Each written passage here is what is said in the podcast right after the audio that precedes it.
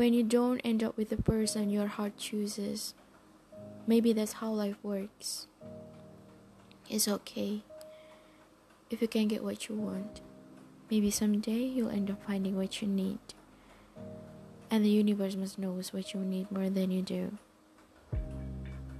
You have to always believe that the love you deserve will choose you just as confidently as you choose it.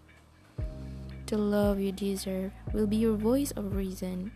It will calm the soft creature of who you are when doubt sinks into your skin, and it will build your restless heart a safe place within itself.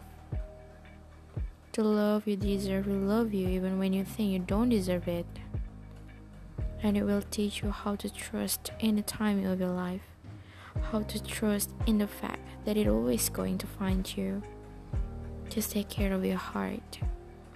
And don't ever think that you're not enough. You are always worthy. Please just don't ever forget that.